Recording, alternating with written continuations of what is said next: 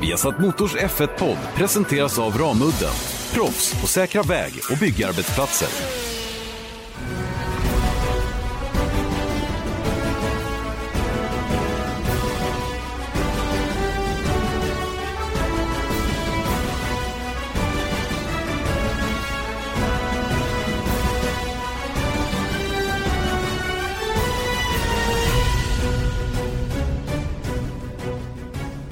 Mycket välkomna ska ni vara till Viasat Motors Formel 1-podd. Janne Blomqvist och Erik Stenborg som idag ska prata om Fiestan i Mexiko, Mexikos Grand Prix. Det är racevecka igen, äntligen.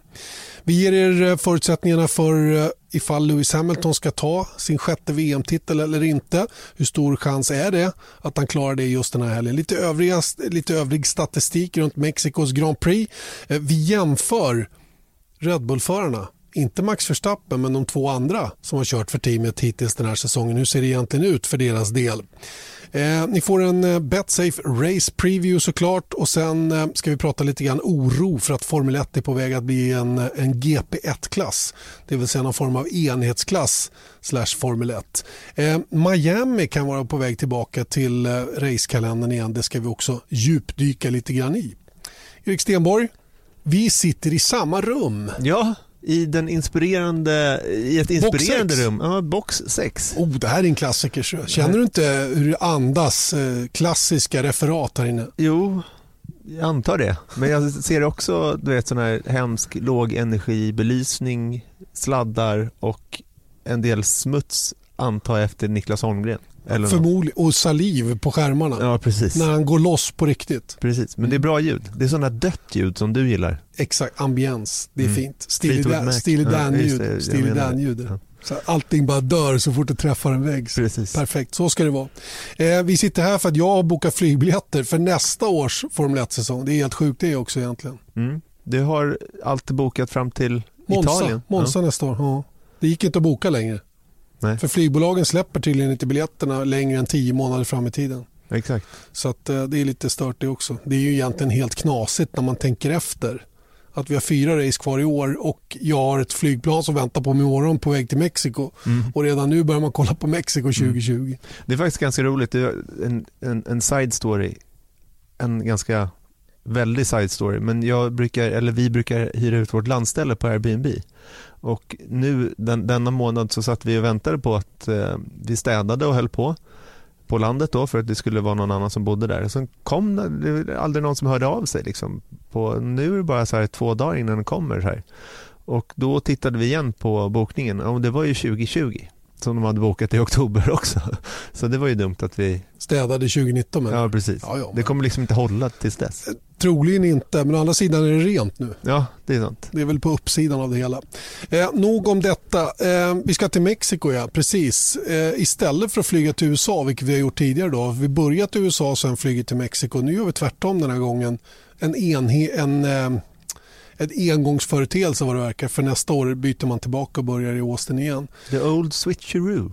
The Old Switcheroo, ja precis. Och eh, ja, vad tycker vi om att åka till Mexiko? Du har ju varit där faktiskt, mm. precis som jag då ett antal gånger. Och det är ju ett speciellt ställe att komma till. Det har vi berört flera gånger tidigare och det är ingenting som har förändrats till i år.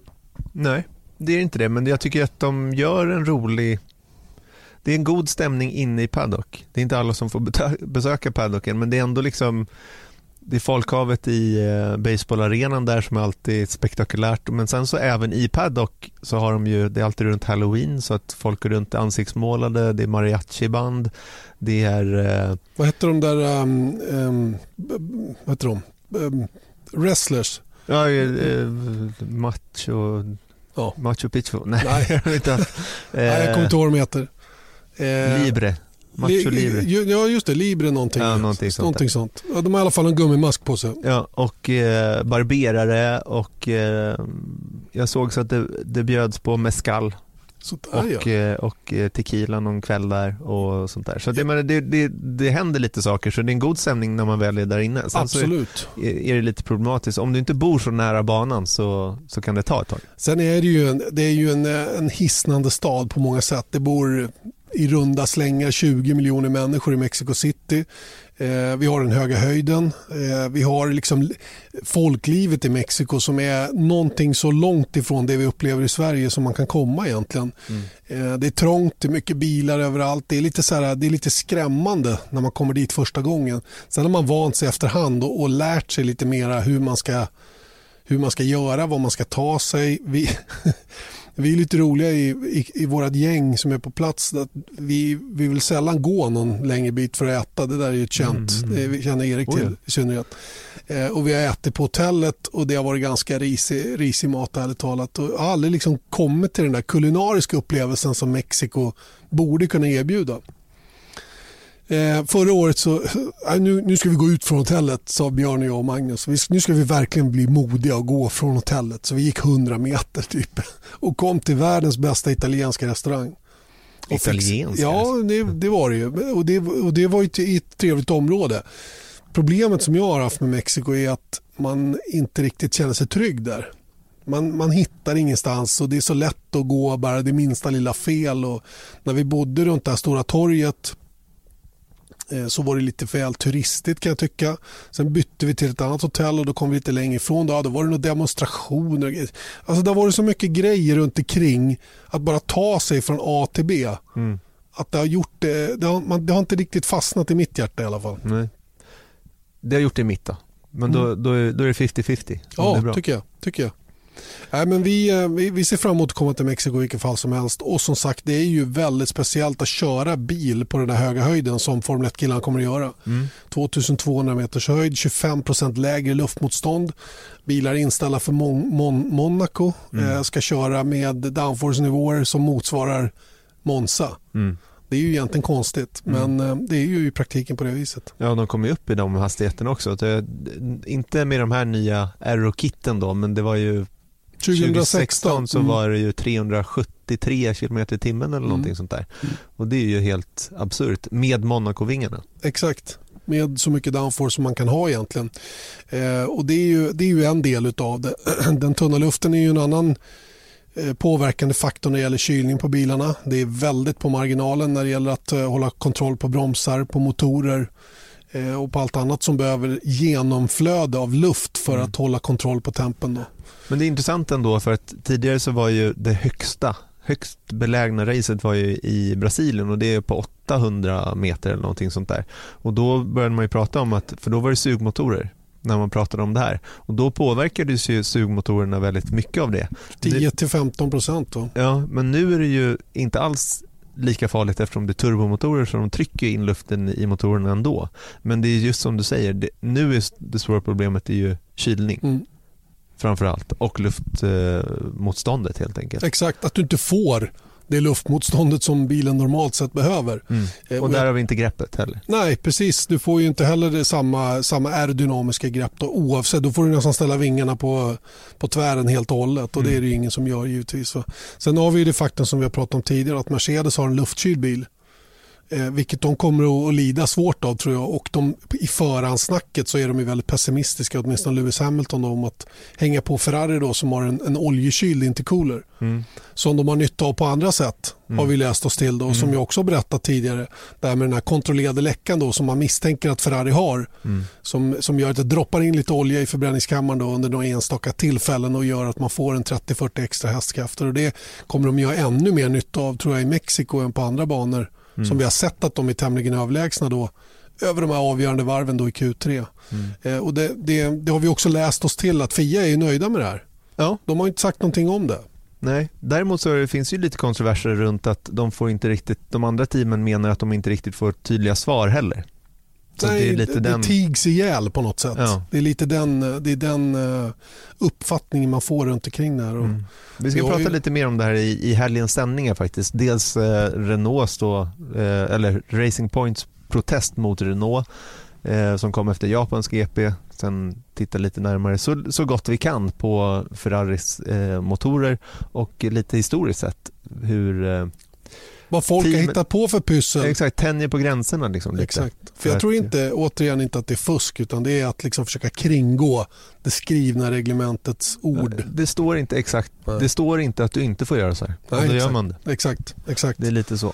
Men, men det är en konstig bana av den anledningen att, att eh, Hamilton eh, kom fyra och Bottas femma i fjol. De har, Mercedes har vunnit i Mexiko både 15 och 16 men det var ju med det förra eh, innan det nya Uppdateringen av, av reglementet ja, kom Precis. till 2017. Exakt, och Verstappen har den, varit den som har vunnit två, de två senaste racen, vilket faktiskt är lite anmärkningsvärt. Det har man ju inte, det kommer jag inte ens ihåg faktiskt, att, att det var så förrän jag läste statistiken. Mm.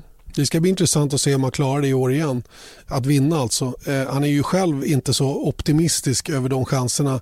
Eh, vi, vi kan ta det nu. Red Bull, Verstappen är- inte tror att de kommer att vinna någon mer race Mm. egentligen. Mm. Trots att de var väldigt uppåt efter de här eh, racen i mitten på säsongen då, runt Österrike där, där, där han var riktigt stark och Mm. lyckades vinna efter en sen omkörning på Leclerc. Mm. Och även alltså hela sommar, slutet av sommaren, även i Ungern var de i slagläge. Men sen så efter sommaruppehållet så har det inte varit någonting. Och jag undrar vad det kan bero på. Vi var inne på det lite grann förra veckan också. Varför, jag menar då var det ju liksom som en framgångsvåg. Jag vet inte om det har hänt någonting att de andra blivit så mycket bättre eller att de har liksom skitit i säsongen i det här läget. Nej, jag tror inte att det är sådana såna grejer heller utan jag tror att det är mera eh, eh banornas egenskaper som inte, jag menar titta på vilka banor, du, du nämnde då, vi nämnde Österrike och, och Ungern, inte helt olika varandra i, i längd på bana. Och Tyskland var ju av andra anledningar också. Precis, hög temperatur, varmt både i Budapest och, och i, i, i Österrike och så vidare. Jag tror att det är sådana saker mera som har spelat roll.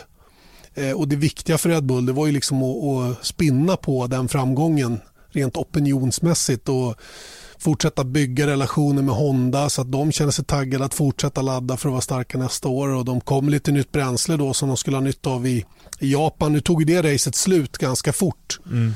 för, för Max Verstappen som jag tror ändå hade varit med hyfsat långt fram där. Men att ta fart för att vinna, det tror inte jag heller att de har. Verkligen inte. Utan det krävs omständigheter eh, för att eh, vara snabbare än, än först och främst Mercedes men också Ferrari. Mm. Men jag hade ändå trott att typ ett sånt Singapore-race hade varit en möjlighet men där var de inte heller riktigt med. Nej. Så det, det är det som jag tycker är lite konstigt att de har gått lite, luften har gått ur lite. Det är lite oroväckande tycker jag också att, det- att, Honda, att Honda, trots att de har använt väldigt mycket motorer i år, Mm. kommer så lite framåt. Eh, det var stora steg i början, Ja. sen så blev det liksom, för att jag tror alla blev överraskade över, över pacen de hade i början av säsongen, överhuvudtaget att de, att de var med där uppe. Mm. Men sen har det liksom trenden och, och, tappat lite fart. och det kan man faktiskt se också på var Toro Rosso befinner sig i konstruktörs-VM också. De, de åker längre och längre bak. De är näst sist nu tror jag. Eh, Och det är, hänger ju delvis ihop med att Honda varit ganska aggressiva med motorbyten och, och inte gett Toro Rosso-förarna några speciellt bra förutsättningar i racen då med startposition och långt bak. Eh, Och i det här jämna mittfältet så har man inte råd med den typen av grejer. Men jag, tror att, eh, jag tror att det behöver hända lite grann hos Honda nu om det ska om, det ska, om de verkligen ska vara med nästa år, vilket ambitionen är givetvis. Mm. Men vi fortsätter lite på Red Bull-förarna för att det har varit mycket snack mellan Pierre Gasly och eh, Alexander Albon då som båda har kört för, varit teamkompisar med Max Verstappen i Red Bull Racing under året. Och då har man då, om, kan man konstatera då när båda har kört fem race var, de har ju kört, Gasly har kört fler men de första fem racen som de gjorde i Red Bull gentemot Verstappen och där kan man konstatera att Albon har gjort bättre ifrån sig rent statistiskt. Mm. Statistiskt har han gjort det. Han har kört upp 48 poäng mot Max Verstappens 31. Motsvarande siffra då för de första fem racen då där Verstappen körde mot Gasly är 66 poäng till Verstappen och 21 för Pierre Gasly. Eh, Verstappen vann samtliga race eh, i resultat i race. Eh, mot, Alltså head to head. Ja, head to head i race mot Gasly 5-0. Eh, samma sak i kval. Eh, Albon har 3-2 på Verstappen på fem race, sina första fem. Eller sina senaste fem då, eller vad ska jag säga. Eh, och eh, ligger under 4-1 i kval då. Så kvalmässigt och rent fartmässigt så är Verstappen fortfarande klart snabbare än Albon. Men Albon har haft lite mer, ska vi kalla det flyt eller eh, fått bättre utdelning Mm. i racen än, än, vad, än vad Pierre Gasly har. Men, men jag- det är också viktigt att poängtera att det här gör det ju ännu tydligare framförallt för statistiken mellan Verstappen och, Albon då, att, att de här, vem som tar mest poäng det säger verkligen inte hela sanningen. Nej. Utan eh, det, det säger vem som har haft en, en eh, ja, bra utdelning snarare. Och då, du påpekar här då att Albon har 48 poäng mot Verstappens 31 Mm, i de där fem racen. visst. Vilket gör att tittar du bara på poäng så har Albon varit ganska Bättre. rejält mycket bättre än Verstappen. Mm. Och vilket man kanske inte kan hålla med om om man tar in hela bilden. Nej, och titta på differensen i kval till exempel fartmässigt och, och vad som är rimligt att förvänta sig av Verstappen så, så är det definitivt inte på det sättet. Och jag tror inte det är någon som säger emot Nej. om vi hävdar att det är så heller. Utan det är ju, siffror är siffror. Det säger en del av sanningen men inte hela. Långt därifrån. Det som, för nu jämför man Albon och Gasly med Verstappen. Men om man däremot jämför Albon och Gasly med varandra, då tycker jag att siffrorna säger lite mer. För att på fem race så samlade Gasly upp 21 poäng, Albon 48. Det är över dubbelt så många. Mm. Och han har faktiskt, oavsett anledning, det har ju varit så att, att Verstappen har till exempel brutit i, i Japan. Eh, men ändå så har ju Albon slagit Verstappen flera gånger Mm, tre gånger. och en gång i kval, vilket Gasly inte gjorde.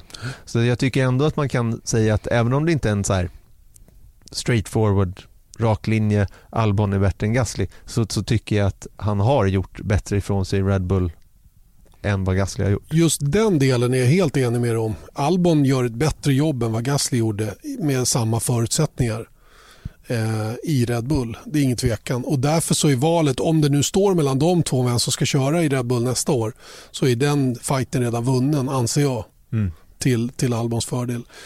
Det knepiga är dock att Gasly ser rätt vass ut i Toro Rosso. Han gör himla bra jobb där i Toro Rosso trots allt. Mm. Det, så jag tror att det kan bli ett ganska svårt val ändå för Red Bull när de väl ska bestämma sig. Men återigen, det är ju Red Bull-bilen de ska köra Mm. nästa år. Någon utav dem. Och den som har gjort bäst ifrån sig i just den bilen är Alex Albon. Mm. Och borde därmed vara den som ligger närmast att få Max Verstappens teamkamrat nästa år. Mm. Vad tror vi då om, om vi nu då hävdar att Albon kommer fortsätta i Red Bull? Vad händer då i Toro Rosso? Eller förlåt, Alfa Tauri Alf- som de nu ska heta Just det. 2020. Alfa Tauri, det blir roligt med två Alfa-team. Mm. Det, det där. Många frågar mig och det var någon som skickade någon bild på hur den kommer att se ut kanske till nästa år. Jag, jag lägger inte så stor vikt vid sånt. Det, det blir vad det blir. Och vad de heter det spelar inte heller så stor roll.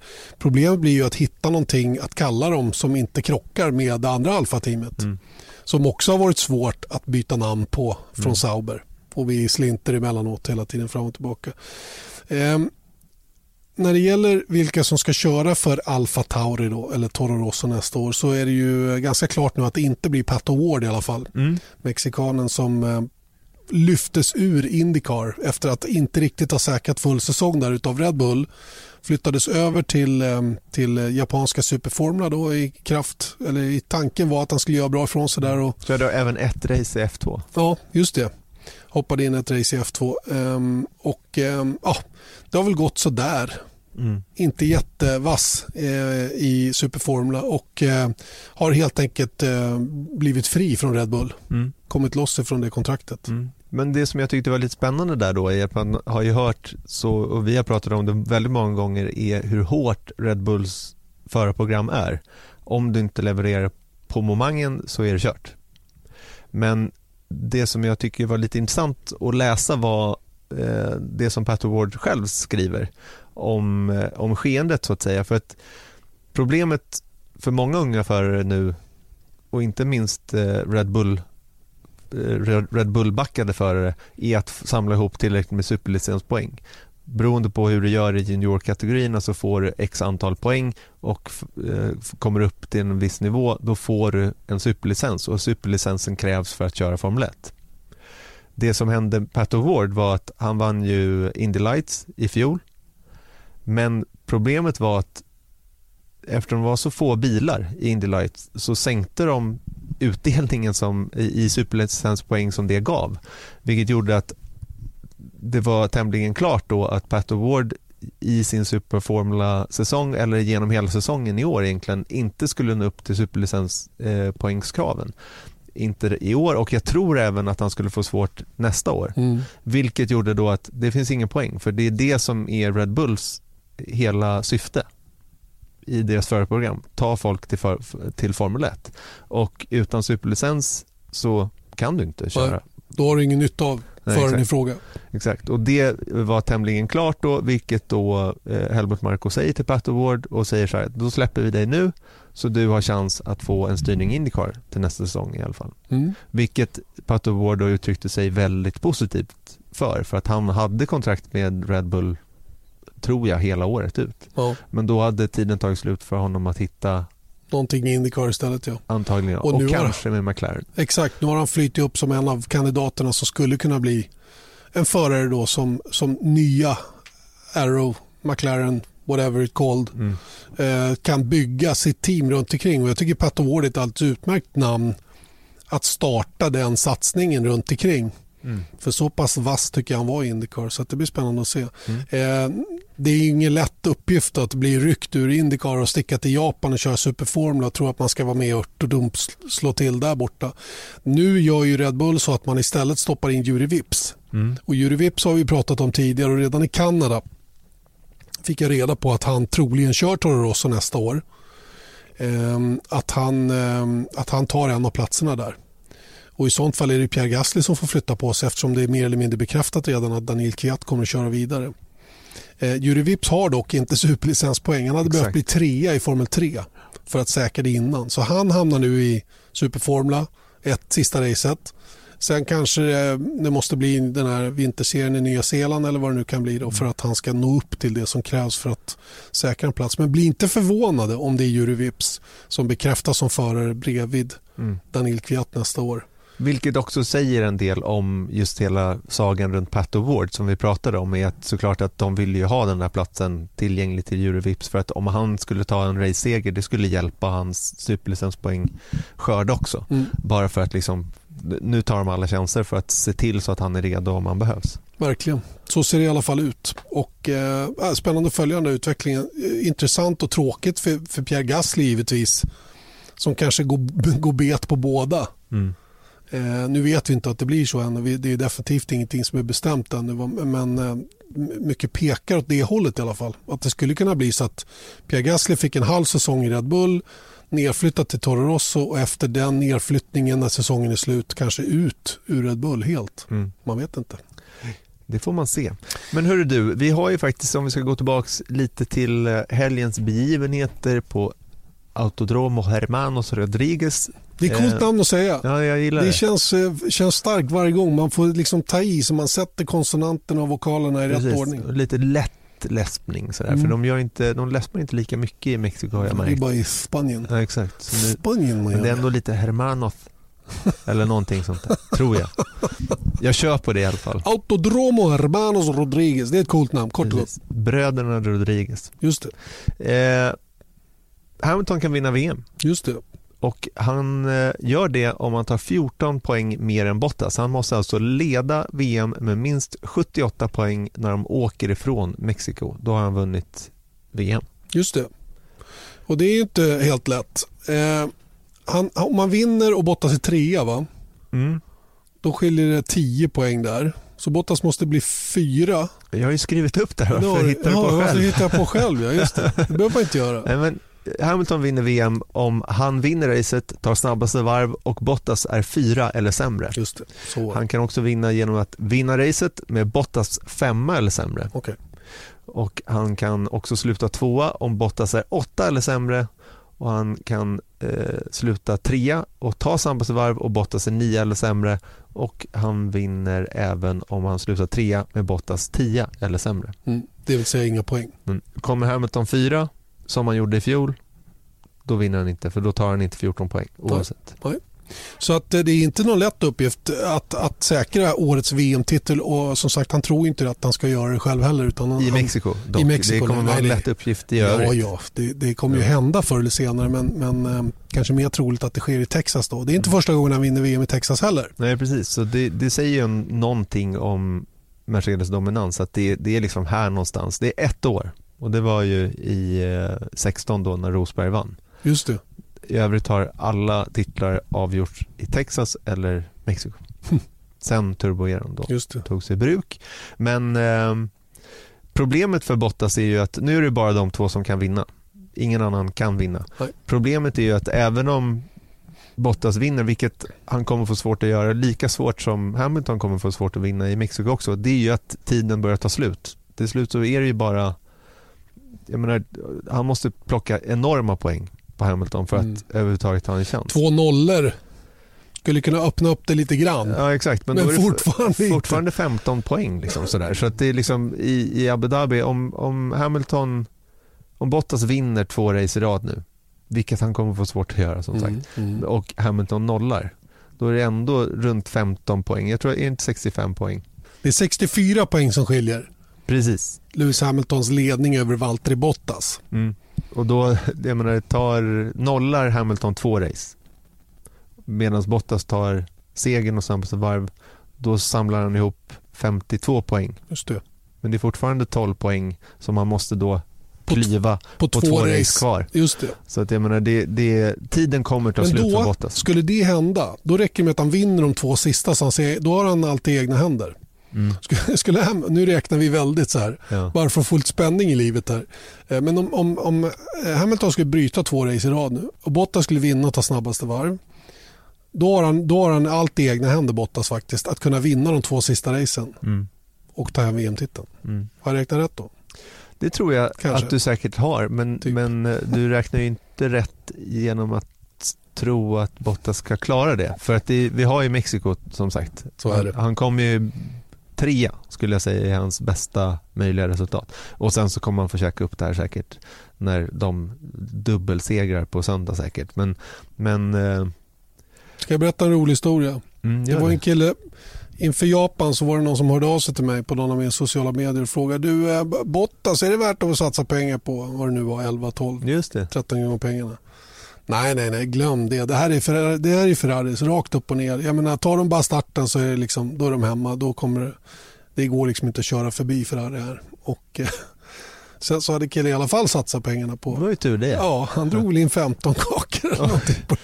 Så det var ju bra. Det var du, jättekul. du borde skicka ytterligare Han 15 kallade mig för guru eller någonting i den stilen. Lita aldrig på gurus var ju liksom var andemeningen, summan av hela kardemumman. Det är bra. När vi pratar odds ska vi titta på um, Betsafe Race Preview med uh, Alfa Romeos team manager Beat Sender. Betsafe Race Preview. Betsafe, stolt sponsor av Alfa Romeo Racing. Uh, challenges mainly um, through the high altitude is um, cooling, engine cooling, braking cooling. So we're always running at the at the limit of, of brake cooling. Drivers um, tend to complain about about braking efficiency, and then again um, with the thin air um, engine cooling, it's less less engine flow or the less en- less air going through the through the radiators. So um, there as well, always at the limit with, with the cooling. Um, we, we so far this year we never had a problem um, with the cooling. Whether it was in Hockenheim Friday, it was a very warm day. Um, Budapest, Singapore, so we've been we've been well off, and we do not expect any problems in, in Mexico. Um, we know that the, the thin air makes you run the basically the, the, the Monaco rear wing, and even so, you, you do speeds exceeding uh, 350 on the on the long straight. I've been fortunate enough to have a lap uh, on these uh, hot laps with Pirelli, and, and now you realize that the track is very very fast on the straight, but otherwise it's really really slow. It is it is very twisty, um, especially after the first two corners. Um, you have corner four, five, six, and then it got a, a quicker part at the backside, like like S's again. Hey, I'm Ryan Reynolds. Recently, I asked Mint Mobile's legal team if big wireless companies are allowed to raise prices due to inflation. They said yes. And then when I asked if raising prices technically violates those onerous two year contracts, they said, What the f are you talking about, you insane Hollywood ass? F- So to recap, we're cutting the price of Mint Unlimited from $30 a month to just $15 a month. Give it a try at mintmobile.com slash switch. $45 upfront for three months plus taxes and fees. Promo rate for new customers for limited time. Unlimited more than 40 gigabytes per month. Slows. Full terms at mintmobile.com. Um, but in general, the average speed is quite low. And as you said, we're running we're running high downforce um, level there because of the thin air again. And uh, and the tires, uh, not very very high degradation on that track particular, but still you have to manage them. Yes, um, tires is.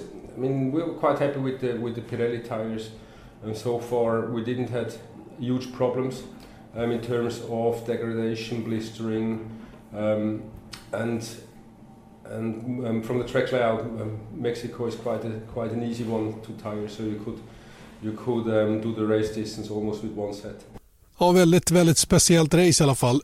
Även för teamen då att komma till, eh, till Mexiko där eh, vi också hör att Alfa Romeo inte heller är oroliga för kylningen. De, är, de har ordning på det där. Och Det tror jag hänger ihop med att man har en Ferrari-motor i bilen och eh, det här med att de har en oljekyld intercooler till bilen då som trycker in den här extra luften i, i turbon. Mm. If you say so, my friend. I don't know, I don't know. men eh, man får ju lita på vad de säger. Ja. Eh, det är ändå intressant att höra Beatsender som alltid som, eh, som har varit med så länge och sett så mycket runt om i världen och Mm. man har för känslor runt omkring. 31 oktober, Ja, då ska det presenteras nya regler till 2021. tror du det? Ja, det har varit väldigt mycket fram och tillbaka runt den frågan den senaste tiden. Från att det varit ganska säkert att ja, men det här kommer nu. Eh, ja, vi skjuter upp det lite till. Alltså det är som en Brexit-förhandling ungefär. Säg inte det till dem, då blir de arga. Ja, men det är ju det. Eller vilka blir arga? Ja, teamen, Britterna eller? teamen. Alla är ju britter där ändå. ja, och de är inte glada på Brexit, det kan jag säga. Nej, så är det. Men grejen är nu, det senaste som, som eh, dykt upp då, det är mycket som dyker upp i frågan. Men låt oss ta det lite från början. Det finns en oro då som du eh, sa i vårt löp att eh, något som kallas för GP1, alltså det, de gör ju en hänvisning tillbaka till GP2 och GP3 där alla kör entypsbilar. Och 2021 diskuterades det nya regler i F1. Grundtanken är, som de flesta vet vid det här laget, att bilarna ska bli mindre beroende av vingar, fokusera mer på ground effect och mekanisk grepp för att göra det enklare för bilarna att följa en annan. Och idag kan bilarna tappa upp till 50% downforce när de följer en annan eftersom bilarnas aero är så känslig helt enkelt. Eh, och det här ska göra racingen bättre och för att möjliggöra detta så jobbar FIA och F1 på ett nytt reglemente som är mindre fritt än det det är idag. Enkelt förklarat, med för mycket frihet så kommer ingenjörerna att ingenjöra sönder reglementet och bygga in känslighet i aeron igen med komplexa bargeboards och etc. för att bilarna ska gå fortare. Och Den här minskade friheten i reglerna har då väckt känslor för att det kan ta bort F1s DNA.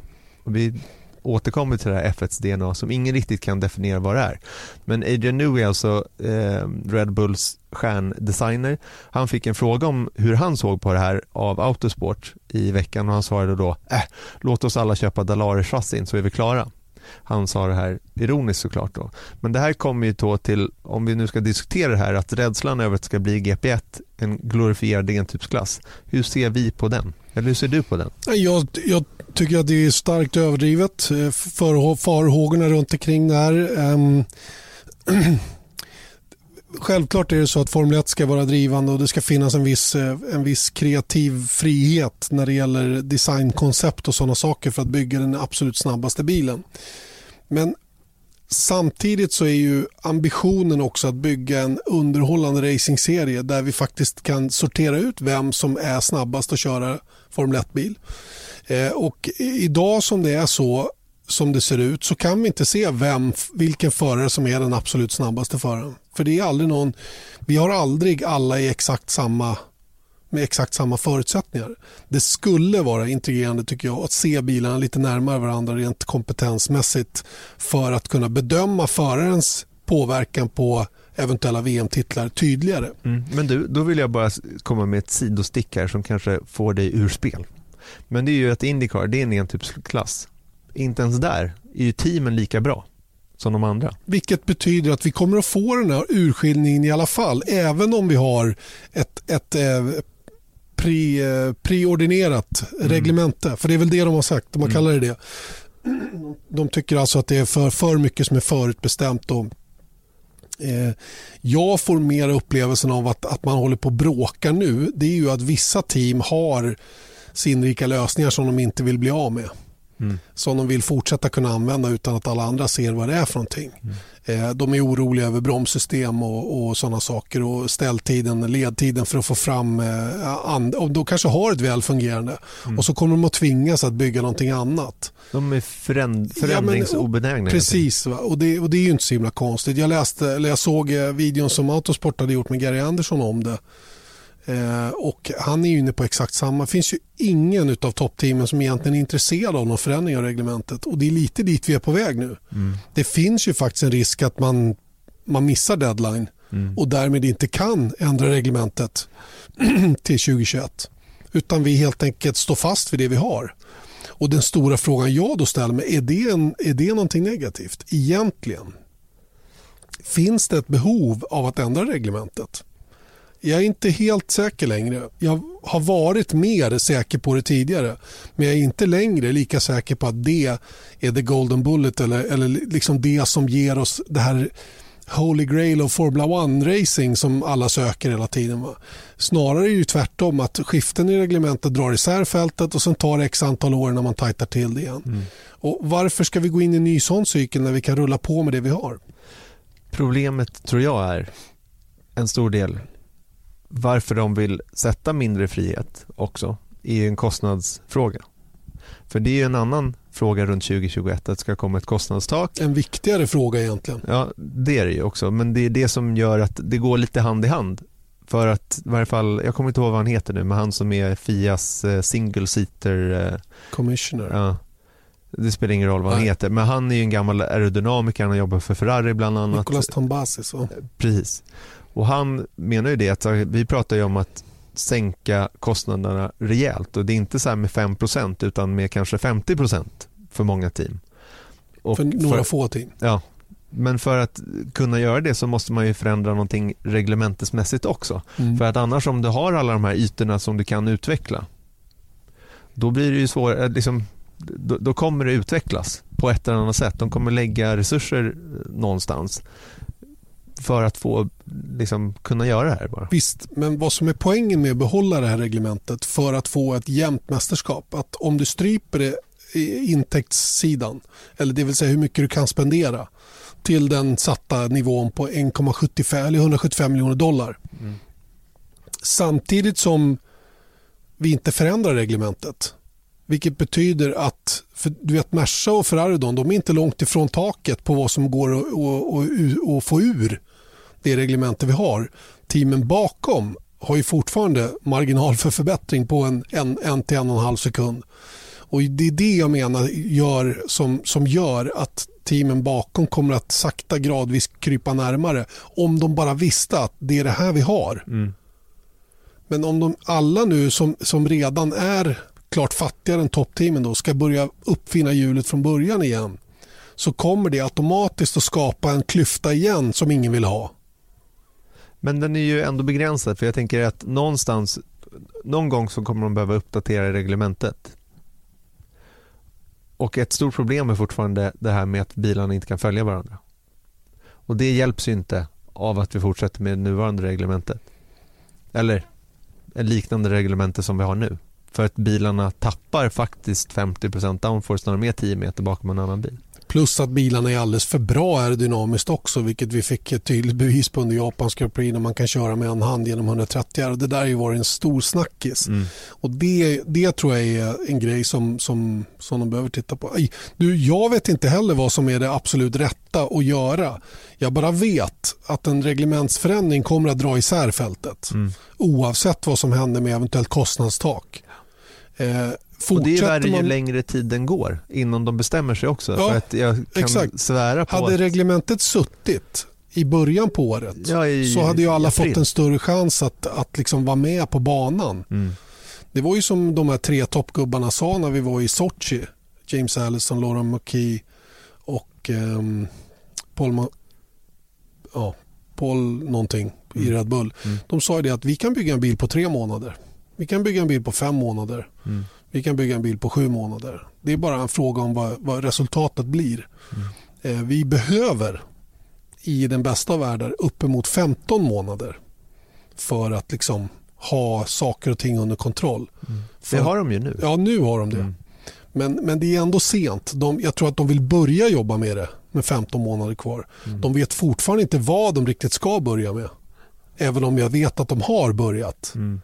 Och har vissa liksom, idéer om ungefär Mm. vad de kan bygga. Då. Sen får de ju justera det vartefter. Jag tror ändå dock att här, min, min bara gut feeling runt här är att det är ett problem med aerodependency och det är ett problem med kostnader i Formel 1. Och om, om man då ska vrida om kniven bara och göra det direkt, gör allting direkt och sen så låt oss bygga utifrån ett bättre, ett förhoppningsvis då bättre grundpaket som man kan följa en annan bil med och som kan vara billigare att utveckla. Eller, billig, eller liksom utveckla mindre för det finns inte lika mycket att utveckla. Och då om man bygger in det, för det finns fortfarande fria ytor på de här bilarna. Så att jag menar om man tittar på den här oron då att alla bilarna ska se likadana ut. Jag menar fråga Men är, vi- vem är orolig över det? Ja, men att fansen bilarna ska se lika, säger fansen att bilarna ser för lika varandra? Ja, att Jaha. oron är där. Men även teamen då, de använder det, det Som argument. argumentet. Mm. Att det är så här, ja men då kommer det bli GP1 för all, allting kommer se likadant ut. Men jag skulle säga att det är ganska nördigt att idag kunna särskilja bilarna utan deras lack. Jag tror att jag skulle kunna klara det.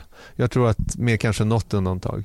Men jag tror att det är många, de allra flesta skulle inte kunna säga vem som, vilken bil som är en Ferrari och vilken som är, är en Racing Point-bil om alla var vita. Så att jag menar, de ser ju annorlunda ut mot varandra men det är, det är små, små skillnader. Och jag vet inte om det skulle vara mindre ett problem om det skulle vara mindre skillnader. Och framförallt så skulle du inte kunna särskilja en Renault mot en Mercedes genom att bara titta på en sida av framvingen. Nej. För det är där vi pratar om. Mm. Där de lägger allra mest resurser på i de här galet, de, är ju som konstverk, Mm. vilket är kul. Framvingarna var i alla det? fall. Nu är, de, nu är de inte fullt så avancerade men ta området bakom framhjulen. Mm. Det har ju tagit över. Mm. Men där ser det ju löjligt ut nästintill. Och det är ju hela, det är ju hela problematiken. Mm. Och ehm, där, ehm, ja, där går det åt mycket pengar. Just på det området på bilen. Mm. Tveklöst. Mm. Men, men eh, ja, jag vet inte. Det här med reglement är ju så himla svårt vad som är det rätta och vem som ska bestämma vad och hur mycket inflytande ska teamen ha. Till syvende och sist så behöver man göra det, göra det jämnare. Alltså ekonomiskt. Jag tror att det skulle lösa väldigt mycket problem av sig själv. Mm. Och ärligt talat, jag kommer tillbaka till det. Är racingen så dålig i år egentligen? Nej, jag tycker Så, inte så som det har låtit emellanåt. Jag tycker inte heller det. Men det är synd att det är ojämnt. Ja, det är synd att det är ojämnt. Men det hänger ihop med, med hur mycket pengar man har råd att spendera. Snarare än vilket reglemente vi har. Mm. Och vilken typ av bil man bygger. Merca bygger ingen bil för att kvala åtta. De bygger en bil för att kvala etta, tvåa, trea, fyra i det sämsta fall. Mm. Vilket betyder att de har ju en bil som funkar väldigt bra i fri luft och så vidare. Va? Och sen så, ju längre ner på griden du kommer så gör man ju mer kompromisser i det avseendet. Va? Så att det, det, är, ja, det, är en, det, är en, det är en svår nöt att knäcka det. Mm. Ja, men jag tror ändå liksom att, säg då att, jag tror ett Frej, eh, hypen runt 2021, framförallt tidigare under det här året, var att det var, jag tror att väldigt höga förväntningar på att racingen skulle bli, kommer bli så himla, himla, himla, himla mycket bättre. Och det tror jag kanske inte kommer, det kommer göra folk besvikna när vi väl är i 2021. För det, det är som du säger att en ny- nytt reglemente, någon hittar det där lilla extra som gör att kanske de är dominanta. Mm. Och jag menar, det kan vara kul de första tre racen om det visar sig att det är Williams som gör det, eller Racing Point eller Toro Rosso som hittar den här Magic Bullet som gör att de är snabbast. Men sen så blir ju det samma, vad spelar det för roll? Att Det, kvittar ju vem som dominerar. Det är lika Exakt. tråkigt i alla fall. Ja, och det var lite som med, med, med Braun Bro- Grand Prix. Braun Grand Prix 2009. Jag tyckte det var helt ofantligt roligt de första fem racen. Sen så när de vann två till det året så blev det lite så här, ah, uh. då blev man ju istället väldigt nöjd över att Red Bull hittade farten och började knappa sig i fatt. Det som dock vore fränt om någon underhuggare eller någon underdog hittade det där lilla extra vilket tvingade toppteamen att verkligen lägga alla klutar till för att komma ikapp. För det var ju det som hände egentligen Ja. 2009. Precis. Så det gjorde den intressant en säsong för de kom ju närmare Red Bull. Mm. Det var inte alls säkert att de skulle Nej, göra det. nej, det Samtidigt inte. så knep han VM-titeln med ett race till godo. Så Mm. det var ju inte så att det var super... Nej, nej, verkligen inte. Va? Men det var ju gu- gungigt där i Brasilien till exempel, kommer jag ihåg. Ja, och det Ja, var en men- Askungesaga och allt vad det är. Men, men ja, poängen är i alla fall att jag tror att min magkänsla är att jag tror att det som jag har sett hittills av det som presenteras för 2021 känns som en bra grundplåt att bygga vidare på nya Formel 1. För Mm. att någonstans behöver det förändras för allas trevnads skull. Vi har satt Motors Formel 1-podd rullar vidare där vi har pratat väldigt mycket om eh, det som eh, en del har lite vanvördigt döpt till GP1. Att det skulle bli någon form av enhetsklass av Formel 1. Eh, vi pratar vidare då i, eh, i podden om ett eventuellt nytt race. Spännande. Miami Grand Prix. Har vi pratat om det förr? Ja, det har vi gjort. Flera år har vi pratat om. Ja, man blir ju lite sådär, jag är lite luttrad ändå när namnet Miami dyker upp och Formel 1. För eh, det har ju braskats stort med både banskisser och allt vad det nu är då. Men eh, av detta har lite kommit ut. Mm. Men bakgrunden är ju att det bör, redan när eh, Liberty Media, de som nu nuvarande ägarna till Formel 1 kom in i, i, i F1 har ju de börjat eh, Ja, de pratade ju direkt om Miami, att det var ett, ett nyckelrace, liksom med fler race i USA överhuvudtaget, men det skulle ligga i, i Miami och det låg ett preliminärt till i år redan. Det tror jag var 2017 som de annonserade att 2019 då ska vi köra i, i Miami. Sen skulle de köra 2020 och nu senast då så är det en, finns det faktiskt en principiell överenskommelse med F1 och Miami att hålla ett race runt Miami Dolphins hemmareda, hemmaarena eh, till 2021. Och Dolphins de spelar amerikansk fotboll. Amerikansk fotboll spelar de och det gör de på Hard Rock Stadium. Just det. Så vi ska använda parkeringen här.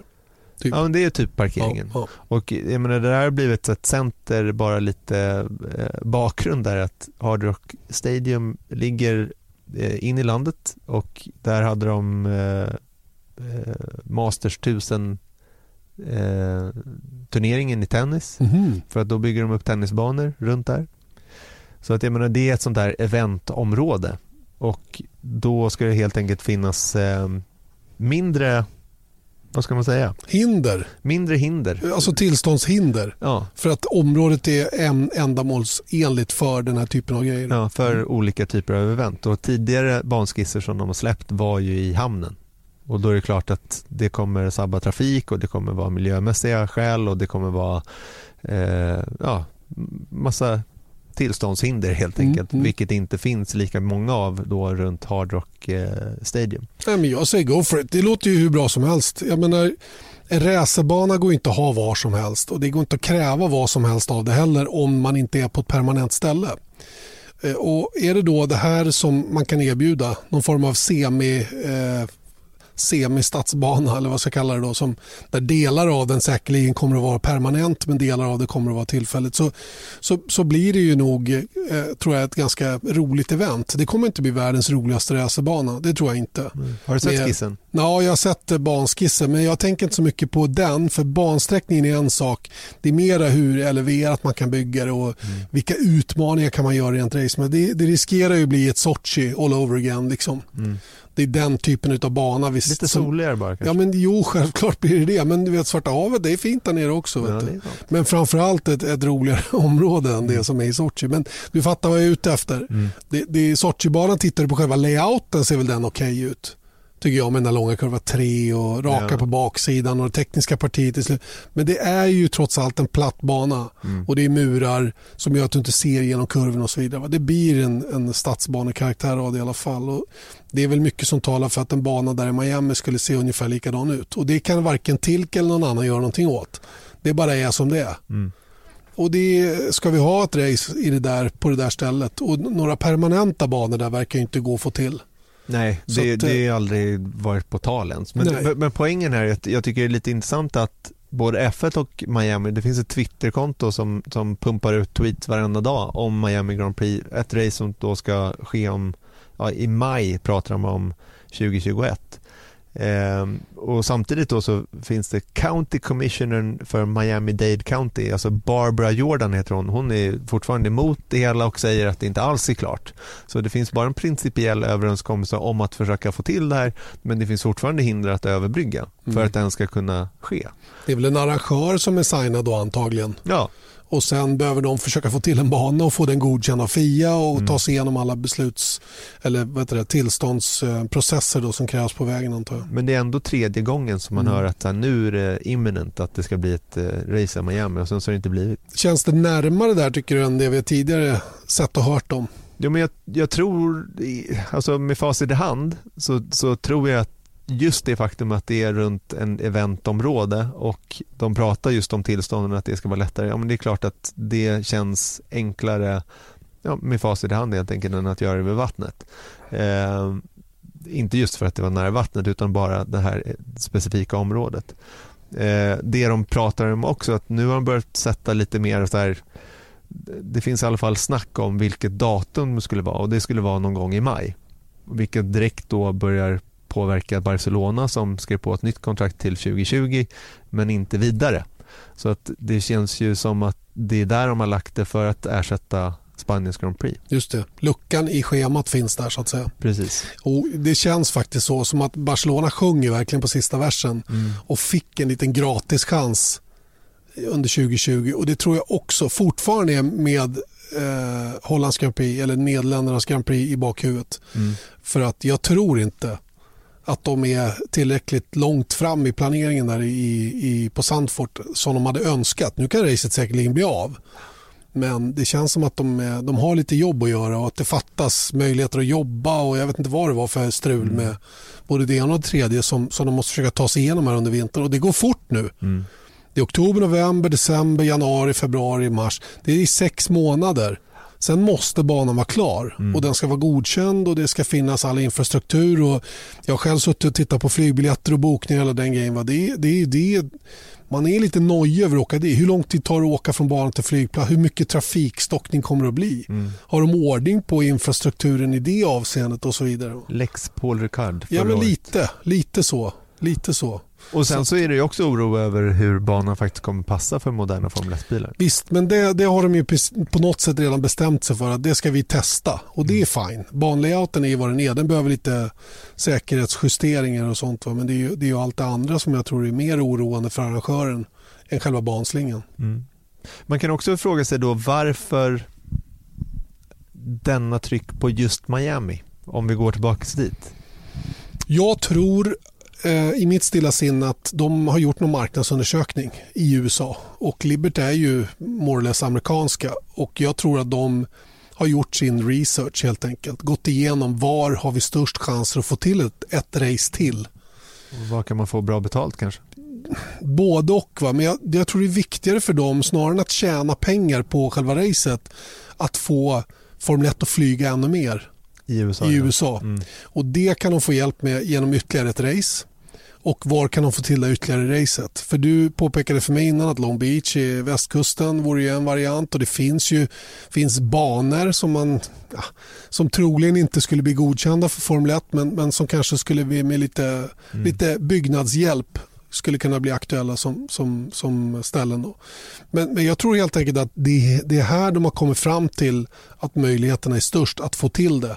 Och de vill inte släppa kroken på det. Nej. Och Sen har de nog något, något starkt i Miami där som, som, som vill det här också. Mm. Med, med mycket pengar bakom. Som gör att den här möjligheten att få till ett race i Miami är det som lockar mest just nu. Det fanns ju något uppe åt New York eller New Jersey där som man pratade Mm. om tidigare. Där man faktiskt har fått till ett Formel E-race men inget Formel 1-lopp. Nej. Men jag tror att också att det är bättre på östkusten än västkusten av tidsskillnaden till Europa. Kan? Huvudmarknaden är fortfarande i Europa och ehm, då, då får man det lite gratis. Ja, det blir ju ett primetime race till då. På, i, på våra, I våran del av världen så att säga. Mm. Men jag har absolut ingenting emot att åka till Miami, tvärtom. Nej, inte jag heller. Ska dit i år. Jag tror jag nästan hellre åker, ja just det. Och det är därför jag ska skicka med dig en kamera. som vi snart ska gå igenom här så att du, så vi kan göra en, eh, ett eh, litet studiebesök. Kan jag snoka lite? Jag kommer snoka lite, försöka gå en trackwalk nämligen. Gott. är, är uppdraget för dig, Björn och Magnus. Cool. Trackwalk... Får vi en extra dag betalt då? Nej, men jag har ändå ingenting att göra. Ni vill ändå gå och shoppa lite Miami Dolphins-kläder, eller hur? Eller hur? Det är det Du- ni gör där. Det är, det är Redskins som gäller i min familj. Jag vet. Och sen är det, vad heter de, Bol, eh, runt Boston där? Ja, Baltimore Ravens eller det Nej, men eh, New Patriots. Patriots, ja, det, ligger den, den gäller för mig. Okej. Ja. Ja, men jag har en till eh, svärson också som vill ha. Ja, okej. Så att jag får väl hitta vad jag kan. Får I jag don't care. Nej, men jag kan säga så här, Dolphins och Redskins är lika dåliga. Jaha, så det är lika bra att du kan köpa samma, samma kläder. Det kan kvitta man. spelar ingen roll. All right. Ja, all right. men eh, ska du se på någon kul film eller läsa någon bok på den långa flighten till Mexiko? Jag tänkte faktiskt se How to build a car. Eller läsa det menar jag. Ja. En riktig fars dag av din son förra året. Just det, och jag har inte öppnat bok- boksidorna än. Så att, eh, det är väl dags nu att ta mig igenom den. Ja, men jag ska ge läsandet en chans faktiskt nu. Jag har varit dålig på att läsa. Jag, jag, är, eh, jag har svårt att jobba på flyget. Jag tog ett principiellt beslut att ska jag vara ledig någon gång så ska det vara det under de där timmarna och så ska jag bara förströ mig. Och det har oftast blivit inom film. Ja, Sist jag flög över Atlanten då tog jag ett rymdtema. Mm. Såg jag ju fyra rymdfilmer efter varandra. Jag började med Apollo 13 som alltid är en klassiker. Mm. Jag såg The Martian, jag såg Gravity och sen såg jag First Man. Perfekt. De fyra rev jag av på väg till Montreal. Starkt. Ja, men det, då kom jag in. Jag liksom gillar Du det. måste ha legat i alltså. Ja då, men det var ju på Inga, en, inga breaks. inga breaks. Nej, det är tråkigt med breaks. Det är, ju, ehm, det är mitt tips för att flyga långt. Det är att titta på film. Mm. Skippa alkoholen och så sova. Mm. Det är bra. Ta inte med dig barn.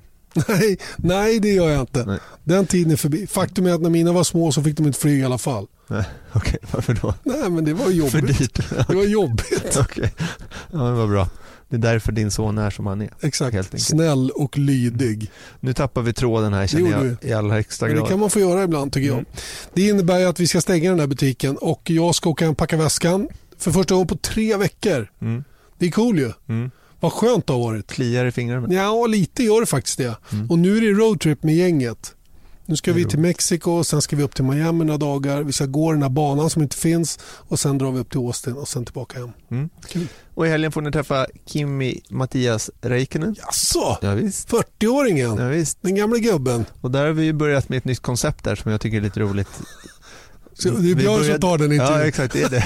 För att jag vet att du skulle inte... Du skulle jag- bara säga, nej, det, jag hann inte. Nej, precis. Nej, det där struntar jag. Ja, exakt. Det är för Men pinigt. vi har gjort det med Lando Norris, så heter det Norris and Yaris. gjorde vi i en McLaren eh, under ett hotlap. Sen så gjorde vi senast eh, Magnosen och Magiesen. Okej, vad Nu blir Kimi då?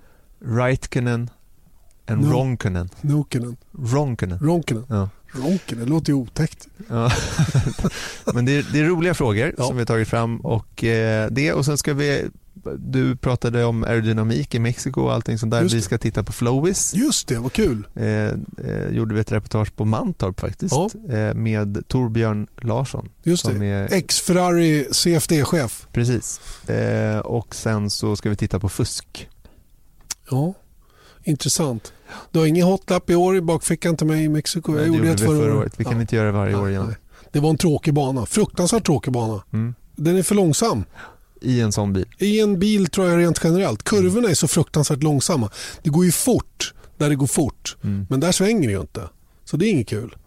Och kurvorna där det är kurvor, där går det alldeles för långsamt. Det måste jag säga, det är, det är inte bra med den här banan. Annars är den cool. Mm. Mm. Det är bra det. Vi eh, Hörs avslutar med det. Ja, det gör vi. Vi hörs till helgen och nästa podd hör ni om en vecka. Hej hej! Hej hej. Viasat Motors F1-podd presenteras av Ramudden. Proffs på säkra väg och byggarbetsplatser.